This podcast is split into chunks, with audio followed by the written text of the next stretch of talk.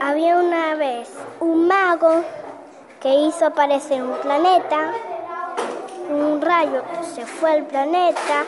y después apareció una luz que allí había un ojo y un imán se pegó al ojo, apareció una mano, cogió una tienda y se puso una máscara.